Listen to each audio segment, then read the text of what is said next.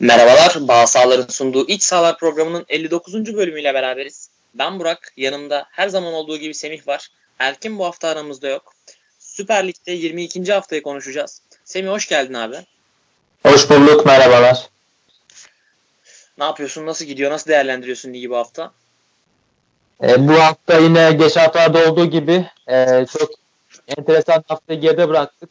Çok e, çekişmeli maçlar oynandı. Örneğin bu hafta Başakşehir Beşiktaş maçı vardı. Ben biraz daha reaksiyon beklerdim Beşiktaş'tan. Çünkü artık yarışta geride kalmak üzeresiniz. Son şanslarınız. Tutuk bir takım gördük e, bu maçta. Öte yandan Fenerbahçe çok ağır yara aldı Ankara deplasmanında. Sivas Spor'un düşüşsüz e, devam ediyor. Bir türlü engelleyemiyorlar. Trabzonspor'da üst üste kazanmaya devam ediyor Galatasaray'la birlikte. E, Trabzon olsun, Galatasaray olsun, Başakşehir olsun e, galibiyetiyle birlikte ligi iyi götürmeye devam ediyorlar. Bu üç takım da zaten artık ilk üçe yerleşti. Kesinlikle öyle abi. Ee, Başakşehir Beşiktaş maçıyla başlayalım istersen. Başakşehir için bence çok e, böyle gösterişli bir galibiyet olmasa da önemli bir galibiyet. Başakşehir çünkü son haftalarda um, oyunuyla çok e, tatmin etmiyordu taraftarlarını diyeceğim ama çok ta, taraftarı olan bir kulüp değil. Ama e, genel futbol severleri çok ta, tatmin etmiyordu oyunuyla. Ama yine de e, Beşiktaş karşısında kazanmayı başladılar, başardılar. E, ben Başakşehir ile ilgili şöyle bir şey söylemek istiyorum. Şimdi İrfanlı Mahmutlu Alexic'li bir sistem görüyorduk ilk yarının e, ikinci kısmında daha çok. Sonra Alexis sakatlandıktan sonra bir daha Okan Buruk çok tercih etmedi o sistemi. O sistem bence bu 4-4-2'ye göre abi e, oyun olarak daha güçlü bir e, oyun oynuyordu Başakşehir ama bu 4-4-2'de şöyle bir şey var. Şimdi oyun olarak çok iyi olmadığı maçlarda bile Crivelli Dembaba ve Vişçe gibi Dembaba ile Vişçe özellikle çok üst düzey bitiriciler. Bu adamlarla sahada olunca bir şekilde maçı kazanman daha kolay oluyor. Oyunun bir tık daha güçlü olmasa bile. Yani bu e, şey gibi mesela Fenerbahçe'nin çok oyunun güçlü olduğunu ama işte atan tutan muhabbeti vardır Rıdvan Demir'in klasik. Onun gibi Başakşehir'de tutanı zaten iyi. E, atanların da sayısını bir fazla atan ekleyince oraya Başakşehir'de gerçekten fark yarattı. E, bu maçta abi sen e, Başakşehir'de şöyle söylemek istiyorum. Yani ben Başakşehir'i çok e, dikkatle izlediğim ve hani Euro 2020 için de çok performansını yükseltmeyi dilediğim, yükseltmesini dilediğim bir oyuncu var İrfan. Bu aralar e, çok fazla e, İrfan umut vermiyor. Sen nasıl buluyorsun İrfan'ın son haftalardaki performansını? Ya, aynen öyle dediğin gibi aslında. E, 4-4-2'ye dönmeden önce Başakşehir e, mini bir kriz yaşamıştı. Denizli maçı beraber bitmişti. Konya maçı beraber bitmişti. Evet. Bundan sonra Okan Hoca'dan e, biz değişim gördük. E, biraz daha farklı sistemle 4-4-2'ye döndüler. Bununla birlikte de ilk maçlarda Kayseri olsun, Kasımpaşa olsun, Yeni Malatyaspor olsun e, 4-5 atarak kazandılar. Tabii rakiplerin durumu da bunda etkenli biraz. Bence bu Okan Hoca'yı biraz e, şaşırtmış diyebiliriz. Yani kandırmış diyebiliriz. Tamam çok iyi gidiyorlar 4-4-2 ile. Fenerbahçe maçında bunu bozmak zorunda kalmışlardı. Ceza vardı orta sahada. E, oyuncu eksiği vardı. Oynayamamıştı. Bundan dolayı pardon Forvet'te e, sanıyorum Dembaba eksikti. O yüzden 4-4-2'den dönülmüştü Fenerbahçe maçında. Yenilgi gelmişti. Baya kötü oynanmıştı o maçta. Sonra tekrar 4-4-2'ye geçildi. Yine galibiyetler gelmeye başladı. Devam etti. Ama sen dediğin gibi e, bu oyunda İrfan'ın hayati bir rolü var. İrfan'ın e, gerçekten olup olmaması arasında dağlar kadar fark var. Ama bazen İrfan sahada olduğunda da e, bedenen orada olmayabiliyor. Ya yani bedenen orada oluyor ama ruhen orada olmayabiliyor. İyi oynamadığı maçlarda oluyor. Bu maçta e, ben şuna çok şaşırdım aslında. Maç bittikten sonra Okan Buruk açıklama yaptı maç sonu. E, oyunumuzdan memnun değilim, daha iyi olmak zorundayız dedi. Normalde biz bunu pek fazla duymayız. Çok fazla duyduğumuz bir şey değildir. E, takım hocaları özellikle de galip gelmişseniz, özellikle Beşiktaş'ı yenmişseniz bunları çok fazla söylemezsiniz. E, evet, ama evet. hoca buraya değindi. Biz de e, geliştirmek zorundayız kendimizi dedi. Eksiklerimiz var dedi. E, bu noktada aslında İrfan Can'ın durumu da önemliydi. Çünkü e, Gençler Birliği maçında İrfan yoktu. O maçta o maç sonrası biz konuşmuştuk bu konuyu mesela. İrfan yokken Mahmut Azubuke vardı. Çok zorlanmış takım üretme anlamında. İrfan çok aranmıştı. Bu maçta Kesinlikle. İrfan vardı ama yine takımda e, dengesizlik gördük, ritimsizlik gördük. Hücum setlerinde tıkanmış bir takım gördük. E, akıcı olmayan bir takım gördük. Ama buna rağmen çok çok değerli 3 puan alındı. Ee, bir şekilde kazanmayı başardı Başakşehir. Gelecek maçlarda bence İrfan'ın kendine bir an önce gelmesi lazım. Çünkü onun rolü gerçekten hayati. Ya onsuz oynadığı zaman Başakşehir gerçekten tıkanıyor. Daha deli e, güçsüzleşiyor. kesinlikle öyle. Yani İrfan Can Kahveci'nin şöyle bir e, soru işareti var. Geçen sene ligin e, Başakşehir ligin ikinci yarısının son kısımlarında artık yani kritik maçlar oynadığı kısımda İrfan Can Kahveci'nin iyi oynadığı bir tane bile maç yoktu. Yine gelelim bu seneye. Başakşehir Fenerbahçe deplasmanında Beşiktaş Beşiktaş maçında bu seneki İrfan Can yine e, iyi sinyaller vermiyor. Yani bu İrfan Can'ın e, kariyerinin devamı için bence e, önemli bir sinyal olacak bu sezonun devamı. E, bu durumla alakalı İrfan'ın performansı kesinlikle çok önemli. Yani Başakşehir için çok önemli ve kariyerinin devamında bu kritik haftalarda havuzun boyu işte daha derinleşince İrfan ne yapıyor sorusunun cevabını bence bu sene alacağız. O, o açıdan da çok önemli bir sezon ve e, İrfan için tabii kritik bir sezon. Ki oyuncunun kariyerini de farklı noktalara taşıyacak maçlar büyük maçlardır. Bu tip önemli maçlardır. İrfan uzun zamandır büyük maçlarda pek faydalı olamıyor takıma. Ee, öne çıkan performanslardan biri olamıyor. Bu sorunun da üstüne gitmesi gerekiyor. Çünkü Başakşehir gerçekten gayet iyi gidiyor bu sezon. Ee, şu anda zaten artık e, bir puan fark kaldı lider Trabzonspor'larda. Bundan dolayı da her hafta her maçta takımın ritmini, performansını, kalitesini arttırması gerekiyor oyun anlamında. İrfan'ın değeri gerçekten çok yüksek. E, her hafta kalan maçlarda biraz daha kendine e, çeki düzen vermesi gerekiyor. Çünkü bu şekilde devam ederse takım mutlaka bir yere takılacak. E, çünkü yanında Mahmut olsun, diğer oyuncular olsun. E, o ritmi, o akıcılığı sağlayamıyor. E, dikine giderek takımda farklar yaratamıyor, alanlar açamıyor. Böyle olduğu zaman da Başakşehir'de vazgeçilmez oyuncu konumuna geldi. Kesinlikle öyle. E, abi haklısın bu konuyla alakalı. E, şöyle yapalım istersen. Şimdi e, Başakşehir'den biraz da Beşiktaş'a geçelim. E, Beşiktaş için e, fena oynamadı aslında Beşiktaş. Yani Başakşehir'e göre bence e, oyun olarak daha iyi olan taraftı diyebiliriz Beşiktaş için ama tabii çok önemli bir karar maçında alınan bir mağlubiyet. Sergenli, Sergen Yalçın'ın havanın e, bir sekteye uğraması Beşiktaş için olumsuz bir maç ve yavaş yavaş artık şampiyonluk ümitlerinin de e, kırıldığı, kırılmaya çok yaklaştığı maç olarak nitelendirebiliriz sanırım. Aynen öyle. Haftaya artık son şans Trabzonspor maçı. Bu maç da çok çok değerli bir maçtı. E, bu maçta aslında Gökhan Gönül'ün olmaması takımı çok derinden etkiledi. E, geçen hafta hatırlıyoruz. Ondan önceki hafta hatırlıyoruz. Ya Sergen Yalçın'la birlikte Gökhan Gönül tüm maçlarda hücum katkısı veren, sürekli bindirme yapan profilde ortaya çıkmıştı. Bize bunu gösteriyordu. Ama Gökhan'sız bu maçta e, Jeremy Lens sağ olunca e, takımda da geçen haftaki maçlarda hiç hiç oynamamıştı. İyi performans göstermemişti. Boateng sonradan girip e, fark yaratmıştı. Bu maçlarda Boateng çok çok iyi oynamayınca bu iki tane e, etkenden mahrum kalınca Beşiktaş oyun anlamında da sıkıntılar yaşadı. E, hücum hattını beslemek için genellikle sol kanattan Caner ve Enkudu'yu kullanmaya çalıştı Beşiktaş takımı. E, arkaya savunma arkasından paslar denediler. E, Başakşehir de aynı şekilde uzun paslar denemeye çalıştı. Ya topun e, ayakta kalmasını istemeyen takımların başını gördük. E, gördük desek yeridir. Normalde topla oynamak için takım ama maçta ayakta kalmaması için uğraştılar biraz daha fazla. Çünkü bir an önce e, topu alıp arkaya atılan paslardan ayarlamak istediler. Çünkü sen de biliyorsun savunması çok e, Beşiktaş'ın savruk görüntü çiziyor. Çok kolay basit hatalar yapıyorlar. Bu gerçekten... Yedikleri gol, de, yedikleri gol de bence çok anormal bir gol. Mesela orada e, Caner Erkin'in koşusuna bakarsan Dembaba'nın gittiği yöne ve Caner Erkin'in ne kadar alakasız bir yönde koştuğuna bakarsan aslında bu da e, Beşiktaş'ın savunmasına dair önemli bir sinyal. Yani Beşiktaş'ın savunmasında gerçekten e, problemler var ve sene başından beri oturmadı. Çok da e, oturmayacak gibi, oturacak gibi durmuyor aslında bundan sonrası. Evet, ana kusurlardan biri Caner'in yan, yaptığı yanlış koşu kesinlikle ama golden sonra verdiği reaksiyona baktığımız zaman sanki Caner e, en suçsuz insanmış gibi reaksiyon vermişti. Arkadaşlarına kızmıştı. Bu maç e, bu golde aslında şu da öne çıktı e, e, o anda. Beşiktaş'ta rakip ceza sahasına Atiba'nın kat etmesi çok değerliydi bu sezon.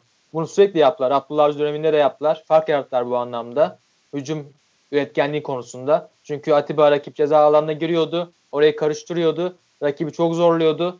Üstüne gol katkısı verdiği zaman takıma e, bambaşka seviyeye getiriyordu. Galibiyetlerde bu şekilde gelmişti. Üst üste galibiyetler alanda dönem. Bu atakta mesela bu golün yenildiği atakta Atiba ceza sahasında kaldı. Rakip alanda kaldı. Böyle olunca kontratak yaptı Başakşehir. Atiba'nın bölgesine de e, Visca ile biri kalmayınca Victor Ruiz geldi oraya o bölgeye. Öyle olunca Caner de geç kalınca e, Dembaba'nın önü açıldı. Devamında gol geldi. E, buna da iyi çalışmış diyebiliriz Başakşehir'i. Atiba ileride kaldığı anda bir an önce hücuma geçip e, yakalanan boşları değerlendirmeye çalıştılar. Kesinlikle zaten Okan Buruk artık o e, geçiş oyununun hızı konusunda bence Türk antrenörleri arasında en iyisi bile olabilir. Çünkü gerçekten geçen sene Rize Sporlu olsun, ondan önce Akisar Sporlu olsun. Bu konuda çok iyi işler çıkardı. Ve şimdi Başakşehir'le tam olarak aynı futbolu oynatmasa da e, bu silahı sık sık kullanıyorlar. Ve bence devam edecekler bu şekilde. Çünkü artık sen de biliyorsun e, ezber oyunla her hafta aynı formasyonla çıkmak büyük bir intihar olur. Her takıma ayrı hazırlanmanız gerekiyor. Her takımın defosu farklı. Her takımın e, eksik olan noktası farklı. Buna en iyi çalışan hocalardan ve ekiplerden biri. Başakşehir'in ekibi ve Okan Hoca'nın kendi ekibi. Kesinlikle öyle abi. E, istersen yavaştan e, yeni liderimize geçelim. E, Trabzonspor kendi sahasında Sivas Spor'u e, net bir galibiyetle 2-1 özür diliyorum mağlup etti. Ve bu durum ve şu anda e, lider durumdalar. Başakşehir'le bir puan aralarında var ve Trabzonspor'un bir maçı eksik. Abi e, Sörlot ve Uğurcan yani ekseninde Trabzonspor yavaş yavaş gelişiyor oyun olarak ve Hüseyin Çimşir de e, fena toparlamadığı işi. Gilerme tabii çok büyük bir takviye. Yani o topla olan rahatlığı vesaire Badu'nun enerjisinin de bu takımın bir şekilde e, adapte olmasıyla Trabzonspor birkaç kademe yukarı çıktığını görüyoruz ikinci yarıda. Ve bu oyunlarıyla aslında e, Sivas Spor'a bayağı baskın geldiler ve artık bu Akyazı Stadyumunda da şeyden kurtuldular. E, bu artık o Avni Aker'deki olumsuz havadan, o kötü negatif enerjiden kurtuldular ve bence gayet güzel, keyifli bir atmosferde maçlarını oynuyorlar ve rakibi rakibi bence takımla birlikte, taraftarla birlikte çok iyi de baskıyı alıyorlar. Ve mesela Fenerbahçe maçında da ben çok iyi çok iyi bir atmosfer vardı. Şu anda ligin en iyi atmosferlerinden birine sahip Trabzonspor. E, bu liderlik geldi uzun bir zamandan sonra. Tam olarak hatırlamıyorum ama 250 civarı bir haftadan sonra liderlik geldi. Trabzonspor kaç? 9 sene sonra evet. 2010-2011 sonunda en son lider olmuş Trabzonspor. Hani ilk kez e, tekrar şampiyonluk hedeflenen bir sezonda tekrardan e, bu liderlik noktasına gelindi. Tabii tabii işte 2010-2011 senesinde 29. hafta olması lazım. Eskişehir Spor maçında berabere kalıp e, liderliği Fenerbahçe'ye verdiler ve sonrasında e, bir daha bu hafta ilk defa lider oldular. Çok uzun bir süreç tabii. Çok hani ligin ilk haftasında falan da denk gelmemesi çok garip.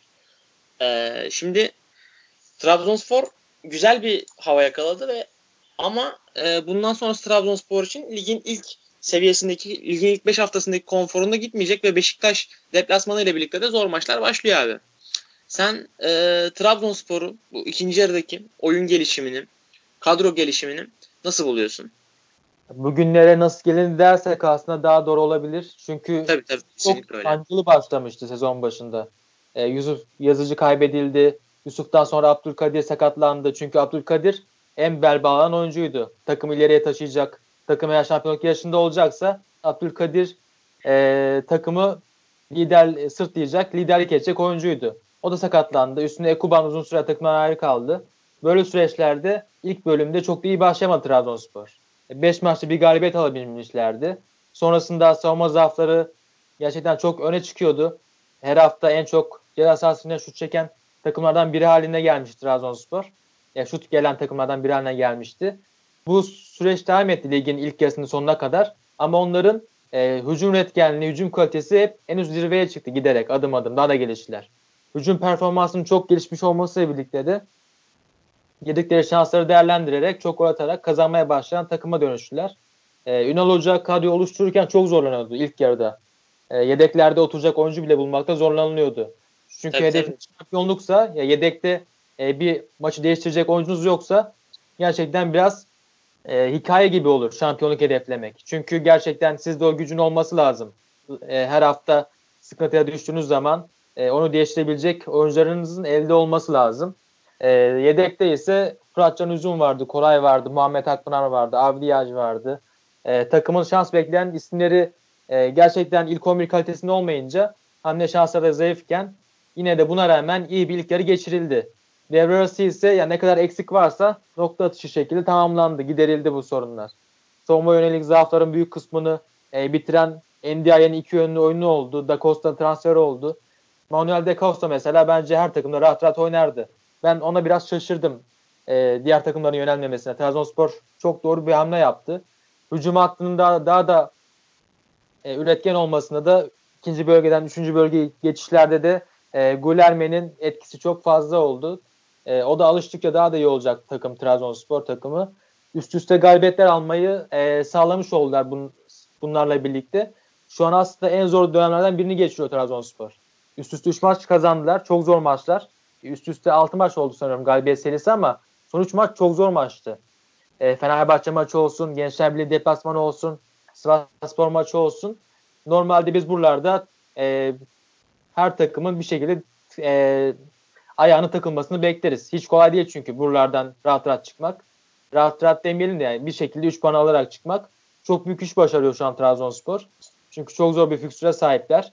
Ama fikstüre devam edecek zorlam, e, zor fikstür sürecek. Haftaya Beşiktaş var. Beşiktaş'ın belki de son şansı. Eğer bir puan kaybı yapılırsa artık takım tamamen e, kopma noktasına gelecek yarıştan. Hatta kopacak desek daha doğru olabilir. Trabzonspor ise liderliği kaybetmemek için mutlaka e, puanlar almak zorunda bu, ma- dep, e, bu maçtan Beşiktaş maçından. Çünkü rakiplere takılıyor. Alanyaspor olsun, Fenerbahçe olsun, e, Beşiktaş olsun hep takılıyor bu rakipler. Trabzonspor'da üst üste galibiyetlerle bu süreçte e, fark yaratmak istiyor. Ama tabii Galatasaray'ın ve Başakşehir'in de üst üste al, galibiyet almayla birlikte e, Trabzonspor'un bir an önce bu zor fikstürden en iyi şekilde çıkması gerekiyor. Gidişleri gayet iyi bence. Çünkü takım ne kadar eksik nokta varsa hepsini iyi şekilde doldurdular. E, benim biraz anlamadığım nokta Taric konusu oldu. E, gerçekten biz sezon başında e, transferler yapıldığında konuşsak Taric 11'e yazarız. Sörlot hamle oyuncusu olur. Biraz birkaç gol atsa çok iyi katkı verdi derdik Sörlot için. Ama tam tersi oldu. Hatta Sturridge pek de oynayamıyor. Pek de e, katkı veremiyor. Böyle bir durum da var. Pek de katkı vermekte e, istemiyor gibi. Yani çok alışamadı, uyum sağlayamadı sanki Sturridge buraya çok fazla. Trabzonspor e, medyasından, Trabzon medyasından okumuştum ben bunu geçen hafta. E, sanıyorum Sturridge geldiği ilk hafta sadece maç önü ısınmasına takımla birlikte çıkmış. Ondan sonraki haftalarda ısınmaya bile çıkmamış maç önünde. Oynamadığı ilk 11'de olmadığı maçlarda.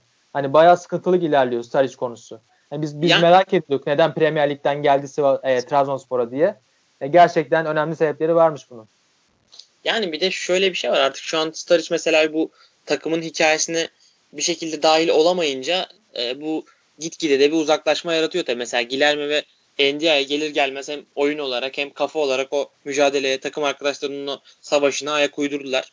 Ama Sturridge sene başından beri takımda olmasına rağmen ki tabii Gilerme ile Badu Ndiaye ile onun e, şeyini aynı kafa aynı şeyde görmüyorum, seviyede görmüyorum ama e, bir şekilde ayak uyduramadı ve bu gitgide bir uzaklaşma yarattı ve bir şu an bir aidiyet problemi var gibi Star işte. E, bu da zaman zaman olan olabilen bir şey. Yani bunda çok nasıl olur diye sorgulayamıyorum tabii. Zaman zaman olabilen şeyler bunlar. Yani tüm büyük takımlarda e, zaman zaman bu tarz şeyler yaşanabiliyor. Yani Galatasaray Enzonzi ile Babel'le yaşadı bunu. E, Fenerbahçe geçen sene Silimani ile yaşamıştı. Bu tarz şeyler olabiliyor tabii. Yani Silimani yine de bunların yanında çok uç bir örnek. E, abi istersen ufakta bir Sivas Spor'a değinelim. Sanki onları da artık bu dar rotasyon e, maddi olarak bir yere kadar bir tavanının olması biraz zorlamaya başladı. Çünkü artık sakatlıklar da üst üste gelmeye başlayınca e, onlar da aslında bence mücadele olarak çok kendi seviyelerini düşürmeseler de mesela Başakşehir maçında bence geçen hafta kazanmayı hak etmelerine rağmen e, yavaş yavaş onları da etkilemeye başladı bu durum. Kesinlikle öyle. Ya Sivas Spor'un biz bir, bir noktada e, tıkanmasını bekliyorduk. İlla ki takılacaklar diyorduk. Çünkü müthiş gidiyorlardı. Hani normal değil bu kadar çok iyi e, devam edebilmek. Ama takılmadan sonra bu kadar da durdurulamaz bir düşüş yaşamak gerçekten çok enteresan. Bunda kesinlikle sakatlıkların da payı var. Fikstürün de payı var. Aynen öyle. Ya çok uzun zamandır tam kadroda çıkabildiği maç olması Sivasspor'un. Sürekli sakatlıklar yaşadılar. Ben şunu çok merak ediyorum. Acaba Sivasspor e, kış şartları biraz daha fazlalaştıktan sonra Ocak Şubat döneminde hatta Şubat Mart döneminde iç sahada nasıl bir oyun say, say, e, ortaya koyar? Ben bunu çok merak ediyordum. Hatta galibiyet serilerinin de en çok beklendiği dönem bu dönemdir. Çünkü Sivas'ın e, ne kadar zor deplasman olduğunu biliyoruz.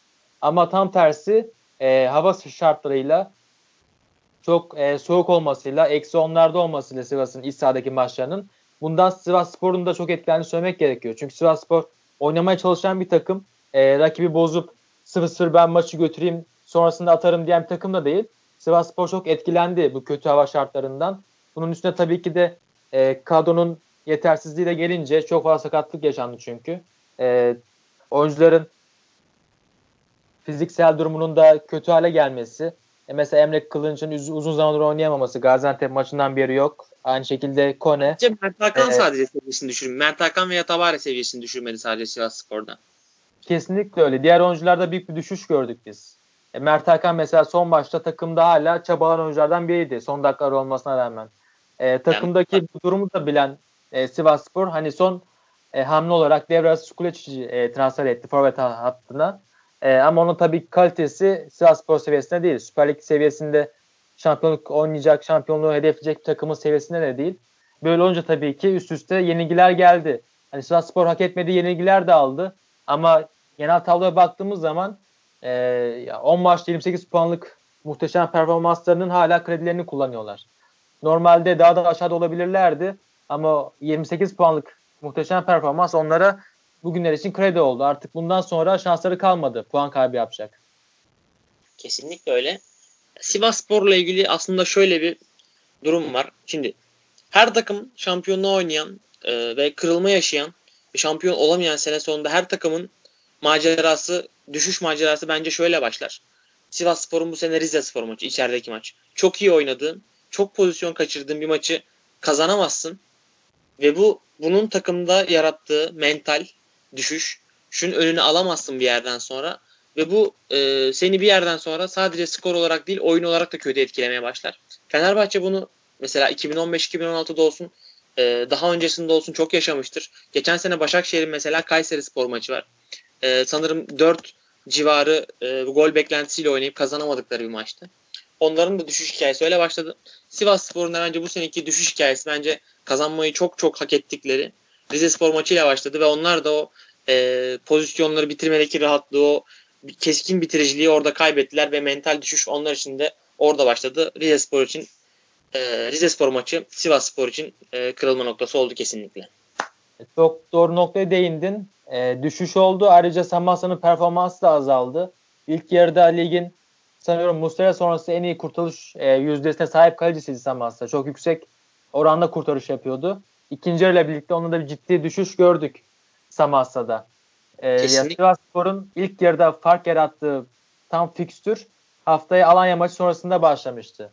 Ee, şöyle olmuştu örneğin 10 maçta 28 puan öncesinde bir Galatasaray yenilgisi vardı 3-2'lik. Ondan önce de Ankara gücünü yenmişlerdi. Hani bu fikstüre tekrar gidilecek şimdi. Ama bu sefer Ankara gücü çok güçlendi. İç sahada bambaşka takım haline geldiler. Galatasaray şampiyonluk hedefinde olan bir takım. Ee, özellikle de her maçta giderek gelişiyorlar. Yine benzer bir seviyede e, fikstürü, avant, e, fikstürü iyi kullanabilmek hiç kolay değil Sivasspor için. Ama e, o döneme geldiğimiz zaman da rakiplerin durumuna eşler olarak da Sivasspor'dan benzeri bir e, şey görmemiz gerekiyor. Çünkü artık ligde yavaş yavaş düşüyorlar. E, Fenerbahçe olsun, Alanyaspor olsun onlar da düşüşler yaşasa da e, belli ki tekrar yükselmeye devam edecekler. Çünkü daha çok vakit var. Daha 12 hafta var. Sivas Spor bence en önemli şeyi kaybetti. Ritmini kaybetti. Takımdaki genel havayı kaybetti. E, bundan dolayı da Sivas Spor'un yakın zamanda işi hiç kolay değil. Ama galibiyet aldıktan sonra tekrar özgüvenleri geri gelirse Emre'nin de dönmesiyle birlikte takım daha farklı noktaya gidebilir. Ya tekrar e, ilk dördü hedefleyen takıma dönüşebilirler. Yani hala bitmiş bir şey yok ama çok ağır yere aldıklarını söylemek gerekiyor. Çünkü bu dönemdeki rakipleri de direkt şampiyonluk oynamak, yani şampiyonluk kovalayan takımlar. Trabzon maçı 6 puanlık maç, Başakşehir maçı 6 puanlık maç. E, bu takımların hepsi öyle. 2 hafta sonra Galatasaray maçı yine 6 puanlık maç. Yani kaybettiğiniz zaman ekstra darbe yemiş oluyorsunuz. Ya, aynen öyle. Ve e, Sivasspor oyun olarak aslında çok e, yani nasıl diyeyim Başakşehir karşısında mesela ezilmedi ve hatta Başakşehir'e karşı daha iyi oynuyor. Trabzonspor karşısında da bence zaman zaman baskı yedikleri kısımlar olsa da fena iş çıkarmadılar. Ama e, bu sezon zaten kimse onlardan şampiyonluk beklemiyor değil 8 sezon 8 puan öndeyken bile. Ama en azından bu sezonu ilk 4 ile taşlandırmaları onlar için şahane olacaktır diye düşünüyorum. E, istersen Semih yavaş yavaş Ankara Gücü Fenerbahçe maçına geçelim. Geçelim. E, Fenerbahçe için artık yani Fenerbahçe bu sezonu şampiyon olarak tamamlamayacaksa kırılma bu maçla başladı diyebiliriz. Yani aslında bu Trabzonspor maçıyla başladı tabii ama yani taraftarın artık umutlarının ilk tükendiği maç sanırım Ankara gücü maçı oldu ve e, Fenerbahçe camiası çok sezondur, çok uzun zamandır girdiği dönemsel e, kaosa, dönemsel çöküntüye tekrar girmiş gibi duruyor. E, bunun için, bundan kurtulmak için bu pazar günü bir şans var. Galatasaray maçı var içeride. Bunu kullanabilir Fenerbahçe. Oradan da bir galibiyet çıkmasa sezon devamı Fenerbahçe için çok zor olabilir. Ne diyorsun abi? Takımda bir kırılganlık gördük biz. E, Trabzonspor maçta başlamıştı. Ardından Alanya maçında takım tamamen dağıldı. Özellikle puan kaybından sonra. Ankara gücü maçındaysa gerçekten savaşmayan e, takımda o galibiyetliklerini göremeyen bir takım gördük. Hatta bu maçta biraz inanç gerçekten çok kırıldı. 2-0 sonrası Gustavo'nun sarı kart gördüğü pozisyon var. İlk anda kayıyor Gustavo. Foul yapıyor. Baktı olmadı bir daha kayıyor başka bir oyuncuya. Yani sarıyı bir şekilde aldı Gustavo. Haftaya da oynayamayacak Galatasaray maçında. Ya takımdaki inanç kırılmış şu, an, şu anda Fenerbahçe'de. En önemli şey de bu aslında. E, taraftarların inancı kırılabilir. E, başka insanların inancı kırılabilir. Ama eğer futbolcu da artık isteksizse yani isteksizlikten e, kastım hedefini kaybettiyse bunun da gerçekten faturası ağır oluyor. 3 haftada 8 puan kaybetti Fenerbahçe. Ee, yani artık kredisi yok diyorduk biz geçmiş haftalarda. Bütün her şeyi tüketmiş oldular. Gelecek 12 maçta e, muhtemelen bir e, en az bir 9 galibiyet şart artık. O bile zor olabilir. Çünkü e, 4 hafta önce %40'larda bir şampiyonluk şansı varsa fikstürden dolayı Fenerbahçe'nin şu an %5 seviyelerine falan indi. Artık mu- mutlaka e, fikstürde fikstür kolaylığı da onların işine yaramıyor. Çünkü diğer takımlar normalde çok rahat galibiyetler alırlar bu fikstürde. Kendi puanlarını geliştirirler. Serili galibiyetler alırlar. Fenerbahçe hep yenildiği maçlarda ligin son sırasına yenilmiş oldu. 6 yenilginin 3'ü zaten Kayseri maçı, Kasımpaşa maçı, Antalya maçı. Fenerbahçe ne kadar zor maç oynarsa o kadar iyi oynuyor. Ee, kolay rakipler, ya yani görece kolay rakipler Fenerbahçe'nin işini her zaman zorlaştırmıştır. Biz bunun bir tekrarını görüyoruz bu sezon. Kesinlikle öyle. Ya e, Fenerbahçe'de şöyle bir şey var. Şimdi e, Fenerbahçe hani hakem hatalarından bu sene çekti o, o bu bir yani gerçek şu anda bir şey yani bence çok tartışılacak bir durum değil. O ayrı bir şey. O ayrı bir tartışmanın konusu. Ben burada onu konuşmayacağım. Ama abi şöyle bir şey var. E, yönetim olarak, teknik direktör olarak, taraftar olarak eğer sen futbolculara şunu aşılarsan ki bu hani bunun illa söylenmesine gerek yok. Davranışlarınla, hissiyatla, o anki durumla şunu aşılarsan e, bizi şampiyon yapmayacaklar bu sene. Bu işte zamanında yine Beşiktaş'ın çok çektiği bir konudur mesela. Bizi şampiyon yapmayacaklar. Bunu futbolcular aşıladığın an bitersin abi. Çünkü e, bu hani futbolcuları çok oyundan soğutan, e, mücadeleden düşüren ve futbolcunun üzerinden baskısını atan nasıl olsa bizi şampiyon yapmayacaklar şeklinde düşünmesine sebep olacak. Tabii bu kadar bu anlattığım kadar basit olmuyor bu şeyler ama bu hani hepsinin sonucunda buna benzer bir şeyler ortaya çıkıyor demek istiyorum ben. E, bu çok tehlikeli bir şey. Fenerbahçe'nin buna çok kendini kaptırmaması lazım. E, yani şampiyon olamayabilirsin. İlk iki, ilk ikide olmaya çalışırsın. İlk üçte olmaya çalışırsın. Bir şekilde yarışın içinde kalman lazım. Bir şekilde kendini de motive etmek e, motive etmen lazım. E, Fenerbahçe Galatasaray maçı çok kritik bu açıdan. Gustavo'nun olmaması büyük eksiklik ama bence Galatasaray için Lemina'nın olmaması Gustavo'dan daha büyük eksiklik mesela. Bence Fenerbahçe orada bir tık bir tık artıda ama sadece bir tık yani. Ee, onun dışında abi oyun olarak tabii yani Reşit Akçay'ın hakkını vermek lazım. Bence Ersun Yanal'ı e, taktiksel olarak Rıza Çalınbay'ın Sivas deplasmanında yaşattığından sonra Ankara gücü deplasmanında Reşit Akçay aynı şekilde ders verdi Ersun Yanal'a. Çok e, bariz bir üstünlük ve çok yeni bir kadroyla. O da onu da gerçekten tebrik etmek lazım ve Ankara Gücü gerçekten son iki senedir e, bu transferleri kim yapıyorsa scout ekibi mi işte anlaşmalı oldukları menajerler mi var belli bir şirketle mi çalışıyorlar onu bilmiyorum. Ama e, bu olayı devre arasında çekip çeviren kim varsa gerçekten tebrik etmek lazım. Çok başarılı e, scouting işleri yapıyorlar.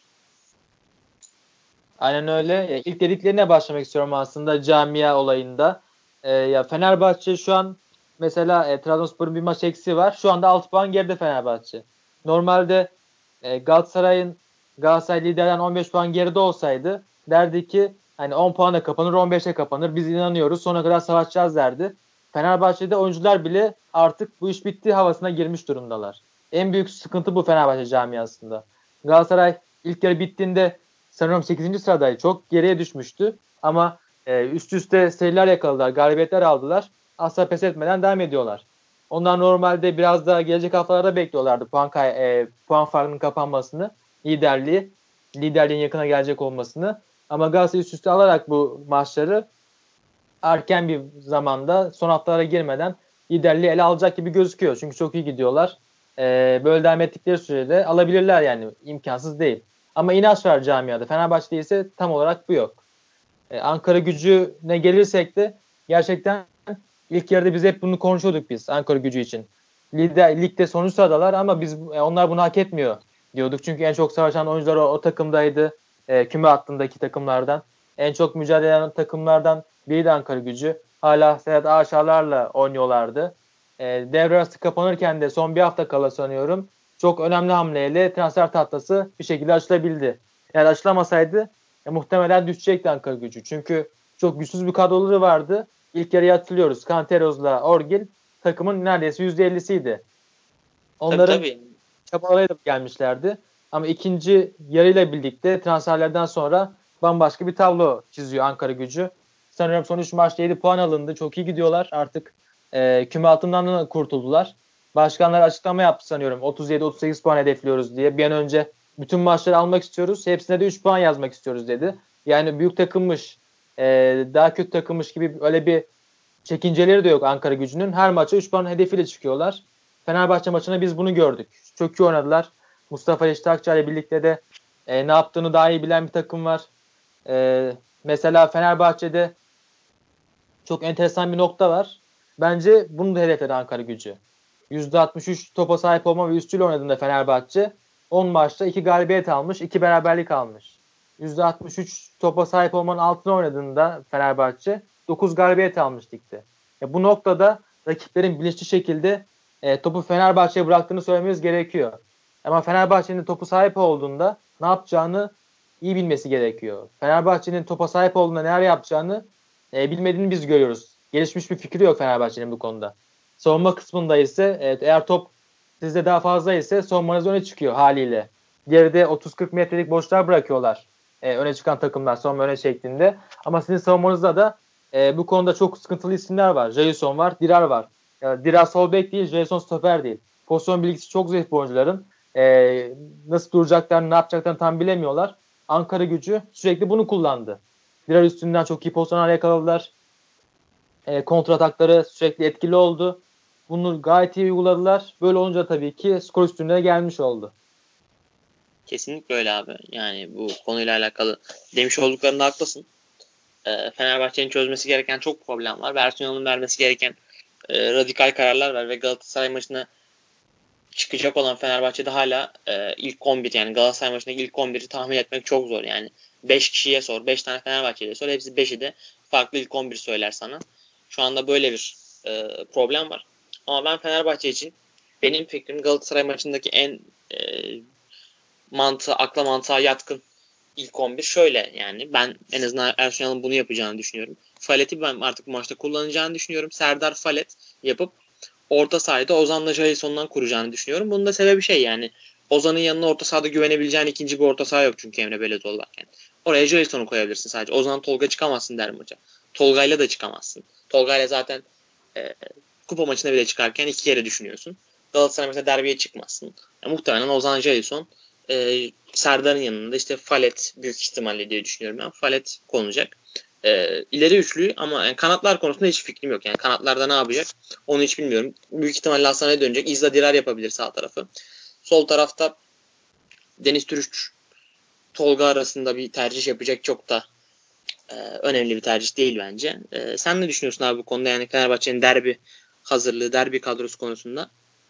E, tek farklı düşüncem belki Ferdi oynar. Ondan da emin değilim tabii de. Çünkü artık bir şeylerin değişmesi gerekiyor. Hatırlarsın Tolga Ciğerci'nin kanatta oynatılması ne zaman başlamıştı?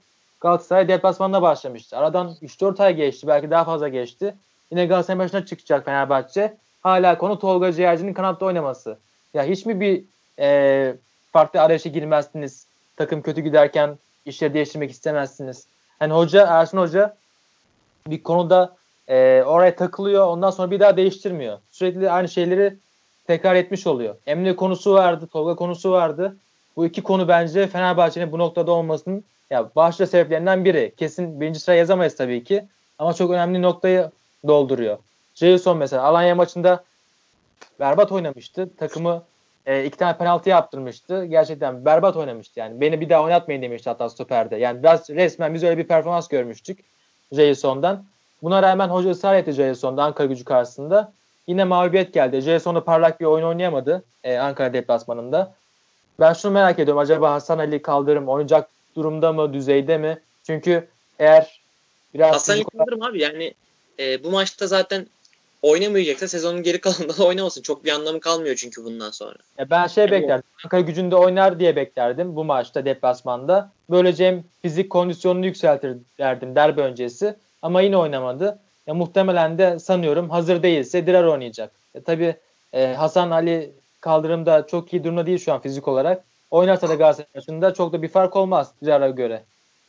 Ben Hasan Ali'nin oynayacağını düşünüyorum ve oynarsa da e, fark yaratabilecek oyuncu olduğunu düşünüyorum. Şöyle çünkü abi yani Hasan Ali en azından e, takımda belli bir sayının üstünde derbi oynamış. Derbilerde bence kendi performansını aşan bir oyuncu ve e, savunma konusunda da sol tarafta çok fark yaratmaya başlıyor ki Dirar artık gerçekten su kaynatmaya başladı sol kanatta ki Dirar'da da bu yeni sözleşme geldikten sonraki düşüş e, biraz düşündürücü açıkçası. Tabii aynı şey Ozan'da da var. Fark ettiysen değil mi? Evet, evet. Ama Ozan konusunda biraz daha iyimser kalmaya çalışıyorum ama Dirar e, yani problem var yani. Tabii bu sol bek oynamasıyla da çok alakalı olabilir. Başka şeyler de olabilir. Bunun tabii e, kokusunu yakın zamanda çıkacaktır. E, Benim ee, Ankara maçından beklentim şey olurdu. Hasan Ali sol bekte, Dirar sağ bekte. Derbiye biraz prova yapılır diye bekliyordum. Hasan Ali sanıyorum hazır değil işte. Ee, önümüzdeki maçta oynarsa ne, ne durumda olur, hazır olur mu? Ya bu çok e, maçın gidişatını belirleyecek. Çünkü yine Dirar, Serdar Reison'la çıkılırsa yani orta sahaya Tolgay konursa ben hiç beklemiyorum çünkü hiç hazır da değil zaten. E, Falet konursa ya durum bambaşka olacak. Ferdi Hoca hiç güvenmiyor. İlk 11'de şans vermedi şimdiye kadar ilk 11'de. E, bu maçta artık kredi de tükenmişken hadi Ferdi oynasın da diyebilir. Çünkü Deniz'den de istediği verimi alamıyor. Vedat'a da e, beslenemiyor uzun zamandır. Vedat konusunda da o var. E, Vedat yeterince beslenemiyor. Performansı düşüyor öyle olunca. 3-4 haftadır da sanıyorum 3 maçlı gol atamıyor. Ya eleştiriliyor Vedat da. Tamam Vedat çok iyi oynayamayabilir. Çok iyi oynayamayabilir. Ama Vedat da gerçekten beslenemiyor. Orta sahaya kadar geliyor. Top almaya çalışıyor. E, mecburen geriye geliyor top alamadığında. Ama o da çok kötü beslendiğini söylemek gerekiyor. Mesela Galatasaray'a bakıyoruz. Takım iyi durumda olduğu için Adem Büyük nasıl besleniyor? Sürekli goller atıyor. Tam tersi şu anda Vedat da. ilk haftada çok iyi gidiyordu Vedat. Çünkü çok iyi besleniyordu. O da üstüne ne düşüyorsa fazlasıyla yapıyordu. Ama hafta ilerledikçe e, Fenerbahçe oyunu bocalamaya başladıkça o istenen oyun oynamadıkça Vedat'ta da Vedat'taki düşüşte doğal oluyor.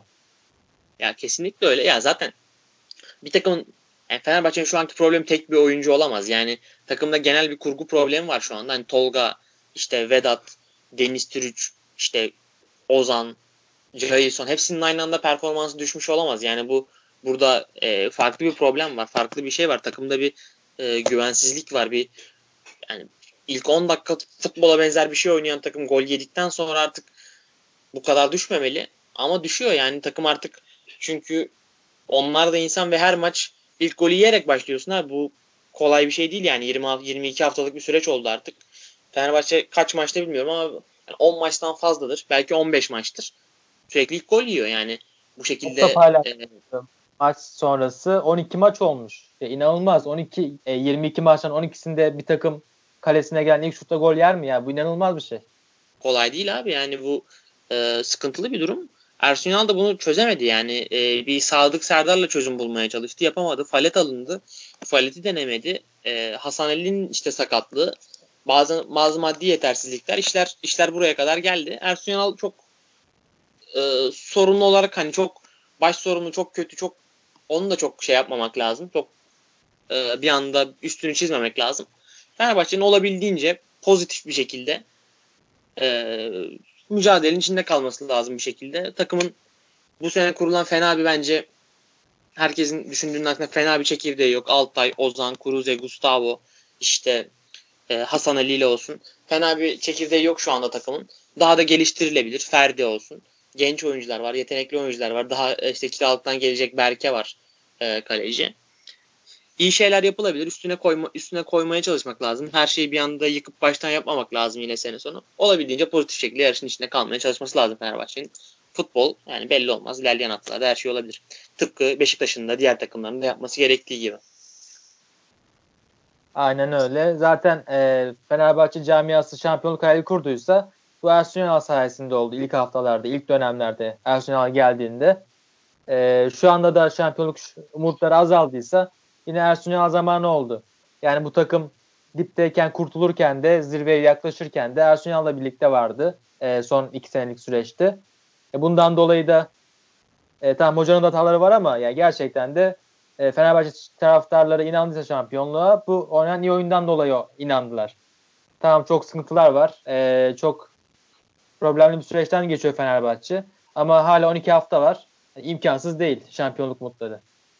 Kesinlikle öyle abi yani e, futbol yani geçen sene mesela kaç kez şampiyonluk artık bitti Başakşehir oldu dedik Galatasaray yani ligin şu kısmı geçilmişti Başakşehir'le e, puan farkı 8 ya da 10'du sanırsam. Buradan döndü yani Galatasaray. Fenerbahçe de Galatasaray kadar mentor olarak güçlü bir durumda değil ama bu iş tabii hava yakalama işi. Hava yakalaması lazım. Bu sene yakalanamadı ama belli olmaz tabii yakalanabilir. E, istersen yavaştan Galatasaray Yeni Malatya Spor maçına geçelim abi. Geçelim. E, Galatasaray aslında ikimizin de çok beklediği gibi e, Yeni Malatya Spor kartında zorlandığı bir maç oynadı. Bundaki tabii en büyük etken Galatasaray'ın zaten 60'tan 70'ten sonra yaşadığı e, fiziksel sıkıntıların yanına bir de hafta içi oynanan yüksek eforlu hatta çok yüksek eforlu Alanya Spor maçı eklenince e, çok normal bir tablo vardı bu akşam Galatasaray Yeni Malatya Spor maçında ki Malatya Spor'da fiziksel olarak yorucu bir takım gerçekten hani ileride Umut Bulut, Bifuma, Gökhan Töre gibi oyuncularla hepsi fiziksel olarak çok e, güçlü ve savaşçı oyuna gerçi Gökhan Töre de arasında çıktı ama e, zor bir maç oldu Galatasaray için 1-0 bir şekilde kazandılar. Takım yine de iyi sinyaller veriyor bence Galatasaray'da bu maça rağmen. E, toparlanma olduğu aşikar ve e, Adem Büyük'ün çok yükselen bir performansı var. E, önemli önemli bir galibiyet Fenerbahçe derbisine Galatasaray e, kayıpsız bir şekilde gelmeyi başardı sağ salim. Aynen öyle oldu. Hafta içi Alanya Spor maçındaki e, moral motivasyonun da dibe vurmasıyla birlikte. Çünkü 99 dakika oynuyorsunuz. Full efor sarf ediyorsunuz. 3-1 kazanıyorsunuz ama elenmiş oluyorsunuz. Hani bunun etkisi de gerçekten ben bekliyordum. Tam da öyle bir maç oldu. Çünkü karşınızdaki Malatya Spor ise e, son yarım saatlerin en iyi takımı. E, Süper Lig'in şu anda son yarım saatte en çok gol atan takımı Malatya Spor. Bundan dolayı da Galatasaray'ın çok farklı kazanmasını beklemek, rahat kazanmasını beklemek biraz e, hayalcilik olurdu. Gerçekten de e, zorlandığı bir maç oldu Galatasaray'ın. Ama çok doğaldı bu durum aslında. Ya şimdi ee, şöyle Gal Galatasaray'ın e, oyununa geçersek abi bu maçtaki. ilk yarıda Galatasaray'ın e, bu geçmişten gelen yani bu senenin çok yani bu senenin ikinci yarısıyla özellikle çok geliştirdiği ilerideki pas trafiği, hızlı pas, paslaşma e, bölümünde çok iyi olmadığını gördük. Belli çok kısa şeyler dışında, çok kısa dakika aralıkları dışında. Bunun da en büyük sebeplerinden biri yani Galatasaray'ın zaten bu ana oyunu Feguli ve Mariano üzerinden temel, temelleniyor. Şimdi orada Mariano cezalıyken Mariano yerine bir anda Şener Özbayraklı gelince orada acayip bir kalite düşüşü oluyor. Yani Şener e, kısa pas atamayan bir oyuncu. Yani Şener sadece orta açabilen bir oyuncu. Şener'in çok fazla böyle pas isabeti yüksek bir oyuncu. Şener geride topla çıkarken Mariano'ya 3 kişi aynı anda bassa bile oradan topu çok sağlıklı çıkarabiliyorken Şener tek oyuncunun baskısında bile top kaybı yapabilecek veya topu e, geriye oynayabilecek, taca atabilecek bir oyuncu ve bu pas trafiğine girdiğinde de Şener Mariano kadar başarılı değil ve çok e, sıkıntı yaşadı bence ilk yarıda çok sırıttı. E, Fatih Terim de zaten bunu fark etti ve Şener'i aldı ve Lines'in gelmesiyle aslında oraya da bir e, kalite artması oldu diyebiliriz herhalde orada. E, Şener'le Mariano arasında büyük bir fark oldu gerçekten de. Çünkü Mariano ilk yarıda gerçekten çok e, vasat bir görüntü çizmişti. Takımda herkes çok kötüydü. Marion da bunlardan biriydi. Hatta devre arasında kesin gideceklerden biri olarak gösteriliyordu. E, ikinci yarıya doğru son bir iki maçtaki performansıyla ikinci yarıdaki de performansla birlikte Mariano tekrardan geçen seneki iyi performansını göstermiş oldu. Ki bunun ne kadar değerli olduğunu da bu maç bize Şener'le birlikte gösterdi. Şener gerçekten hücum katkısında çok sıkıntı yaşadı. E, ne zaman pas vereceğini tam kestiremiyor. E, hücum katkısı yapmakta zorlanıyor. E, gerçekten olumsuz anlamda büyük fark yarattı Şener'in varlığı. Tek olumlu hareketi e, ilk yerdeki penaltı pozisyonunda toplu topsuz oyunda e, iyi iş çıkarmıştı. E, Fegüli'ye pas vermişti sanıyorum. Oradan koşu yapmıştı son markasına. Orada bir iyi iş yaptı Şener. Ki bu e, paslarda eskiden biz Marion'la birlikte görüyorduk. Fegüli'ye pas veriliyordu. Fegüli son markasına pas gönderiyordu. Penaltı pozisyonundaki o hücum e, varyasyonu eskiden de görüyorduk biz Galatasaray'da. Bunun biz biraz daha geliştiğini gördük. E, Şener'in de oyundan çıkması daha dengeli bir takıma dönüştü Galatasaray. Ama tabii ki e, hafta içi oynanan maçın etkisiyle birlikte biraz da e, Mariano'suzluğun da etkisiyle birlikte e, ilk isabeti şutun penaltıdan geldiğini gördük Galatasaray'da. 45'te geldi. Gerçekten de e, çok hareketli bir takım göremedik aslında. Ben daha yırtıcı bir takım beklerdim. İsa'da oynuyorsunuz çünkü. Ne olursa olsun. Yorgunluğunuz da olsa e, daha farklı bir takım görebilirdik. Ama hani anlıyorum ben bu durumu. Çok da e, sorun edecek bir konuda değil aslında. Yani Malatya Spor'da çünkü e, son 12 maçta bir kere kazanabildiler. Bu deplasmana gelirken de e, son 11 maçta bir kere kazanarak gelmişlerdi. Çok kırılgan bir takımda beklerdim açıkçası. Ama bence beklentileri gayet aştılar. E, hücuma çıktıkları anlarda e, sürekli Walter olsun, Aqua olsun. E, zaten kanatlarda Bifuma Gökhan Töre sürekli katkı verdiler. E, çok fazla oyuncuyla gitmeye çalıştılar ceza sahasında Galatasaray'ın.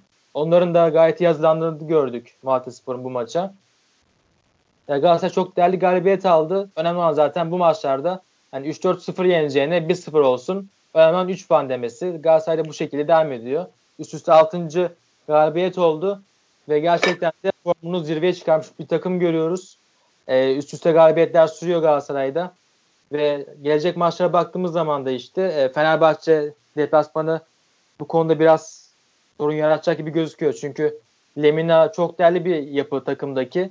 E, Lemina ve Muslera'nın son haftalarda Kasımpaşa maçında özellikle e, takımı geriden oyun kurarken ne kadar değiştirdiğini gördük.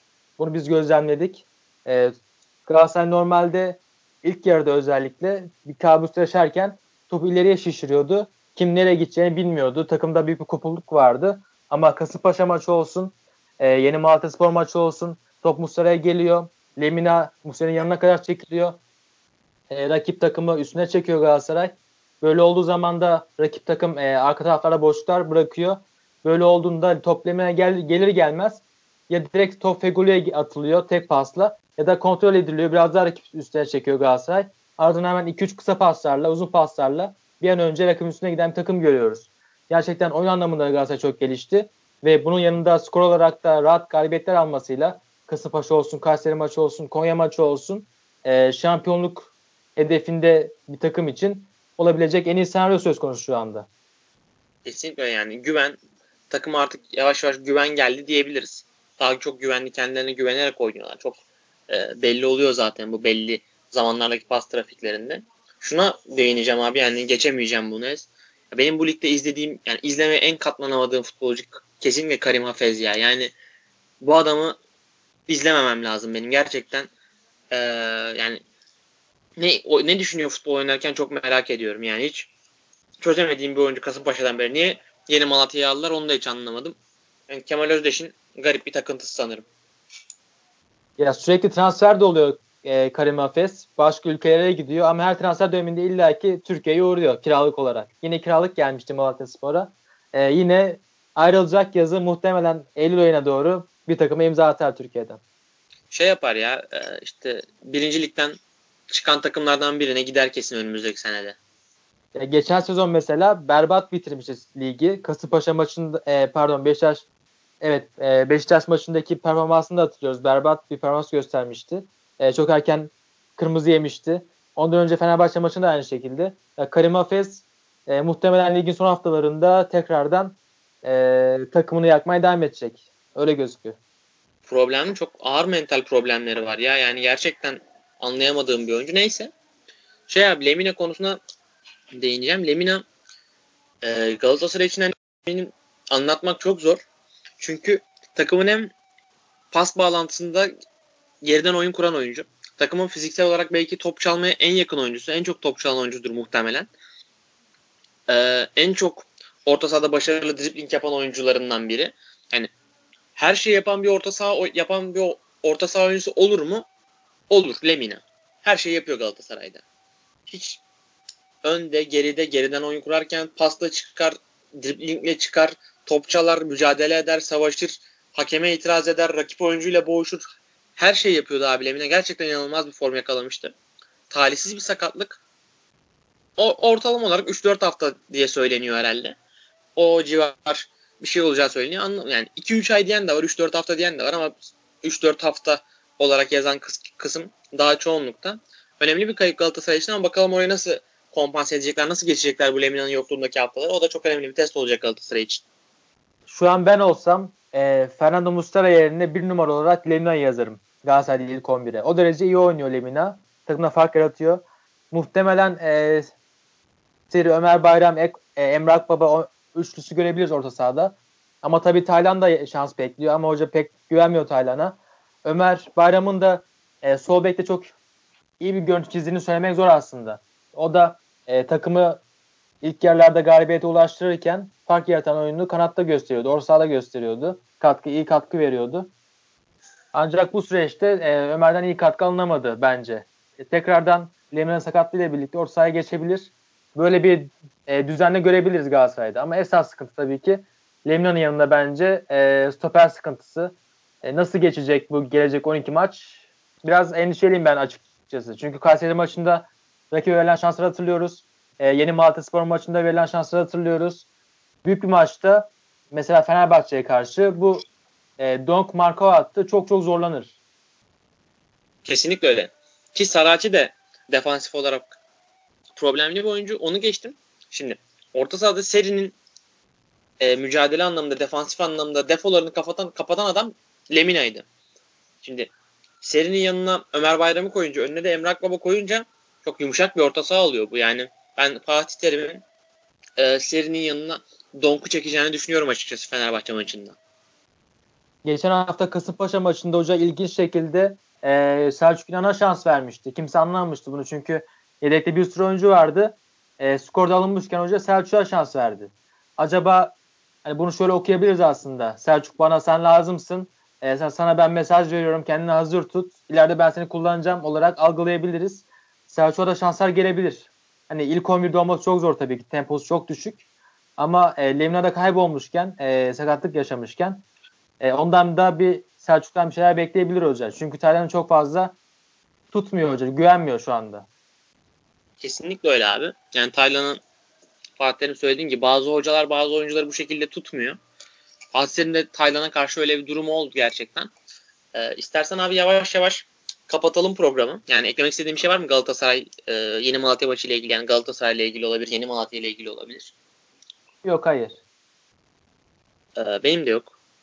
Ee, ligde ortalık hala çok karışık ama e, düşme hattında dengeler değişmeye başladı. Düşme hattında şu anda Antalya Spor Kasımpaşa maçı da daha tamamlanmamış olduğu için e, bu konuyla alakalı çok girmeyeceğiz. Ama ilerleyen haftalarda hem şampiyonluk yarışı hem küme düşme yarışı hem Avrupa yarışı ile alakalı e, konuş konuşmalarımız olacak. E, bu durumla alakalı tekrar bakıyorum şu anda. Evet. Yani Kasımpaşa Antalya maçı da 0-0 gidiyor. O da enteresan maç. Yani Kasımpaşa kazandığında Kasımpaşa eğer kazanırsa çok karışacak orası. Yani Konya, Ankara gücü, Antalya, Kasımpaşa hepsinin puanı eşitlenmiş olacak ve orada acayip bir denge olacak. Bakalım. bayağı bir gelişme yaşadı son zamanlarda. Çok iyi gidiyorlar. E, puanlar üstüne puan alıyorlar. Son maçta galibiyet aldılar Denizli deplasmanında. Kimse beklemiyordu. Kayseri Spor'un e, Antalya Spor maçı da son dakika e, galibiyet gitmişti. Böyle kalınmıştı. Yani Kayseri Spor'da e, sanılanın aksine ben düştüm kafasında değil de tamamen e, ligde kalmaya odaklandılar. Yaptıkları transferle de e, Berna Başkan'ın yaptığı hamlelerle de biz bunu gördük. E, bence çok karışacak orası. Senin dediğin gibi her şey olabilir. E, ben bu noktada Ankara gücünün biraz daha süreç ilerlediğinde e, üst tarafa çıkan takım olmasını bekliyorum. Kayseri Spor'un da son haftaya kadar savaşmasını bekliyorum. E, hatta düşmeyebilirler. Gerçekten fark yaratıyorlar son haftalarda. E, gelecek hafta şampiyonluk yarışında ise büyük bir kırılma yaşayabiliriz aslında. Fenerbahçe Galatasaray olsun, Trabzonspor Beşiktaş olsun, Sivas Alanya olsun. 23. hafta çok farklı olacak gibi gözüküyor. Kesinlikle öyle. Yani orada bayağı bir dengeler değişecek. Küme düşme hattı küme düşme hattı büyük ihtimalle son haftaya son haftalara kadar e, bu şekilde devam edecek. Çünkü orada daha az e, dengeler değişiyor. Daha zor dengeler değişiyor. Orada Denizli Spor'da mesela hocası değişti. Konya Spor'un hocası değişti. Bunlara çok değinemedik bu hafta. Ya Onlara da bir istersen artık Denizli Spor da görüyor tehlikeyi. Konya Spor da görüyor. Hissediyorlar. Aynen Kayseri Spor asla bırakacak gibi değil yarışı. Her zaman ligde kalmak için e, savaş, savaşmayı sürdürecekler. Ankara gücü de aynı şekilde. Kasımpaşa'nın Tayfur Hoca kararı takım, takımı çok etkiledi. Yani gelmesi büyük sorun yaşattı. E, takım dibe vurmuştu adeta. E, hoca ayrıldıktan sonra da takımdan gönderdikten sonra da henüz bir e, önemli bir gelişme de göremedik. Kasımpaşa'da onlar da büyük sıkıntı içerisinde. E, bu sebeple de işte Denizli Spor'da hoca değişimi oldu. Konya Spor'da da hoca değişikliği oldu. E, herkes endişeli üst tarafta da. Yani bir e, 10 12. sırayla 11. sıra 11 ile 15 arasında takımların hepsi çok büyük endişe içerisinde. Kesinlikle öyle abi.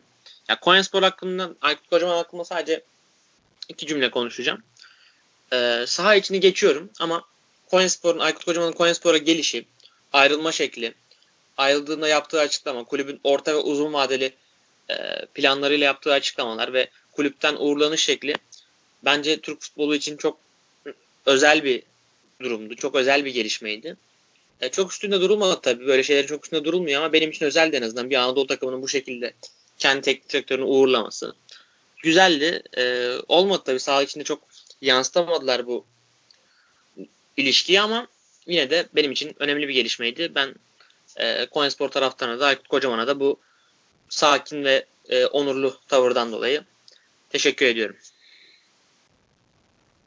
Senin var mı abi eklemek istediğin bir şey? Benim yok hayır. E, o halde bizi dinleyen herkese teşekkürler.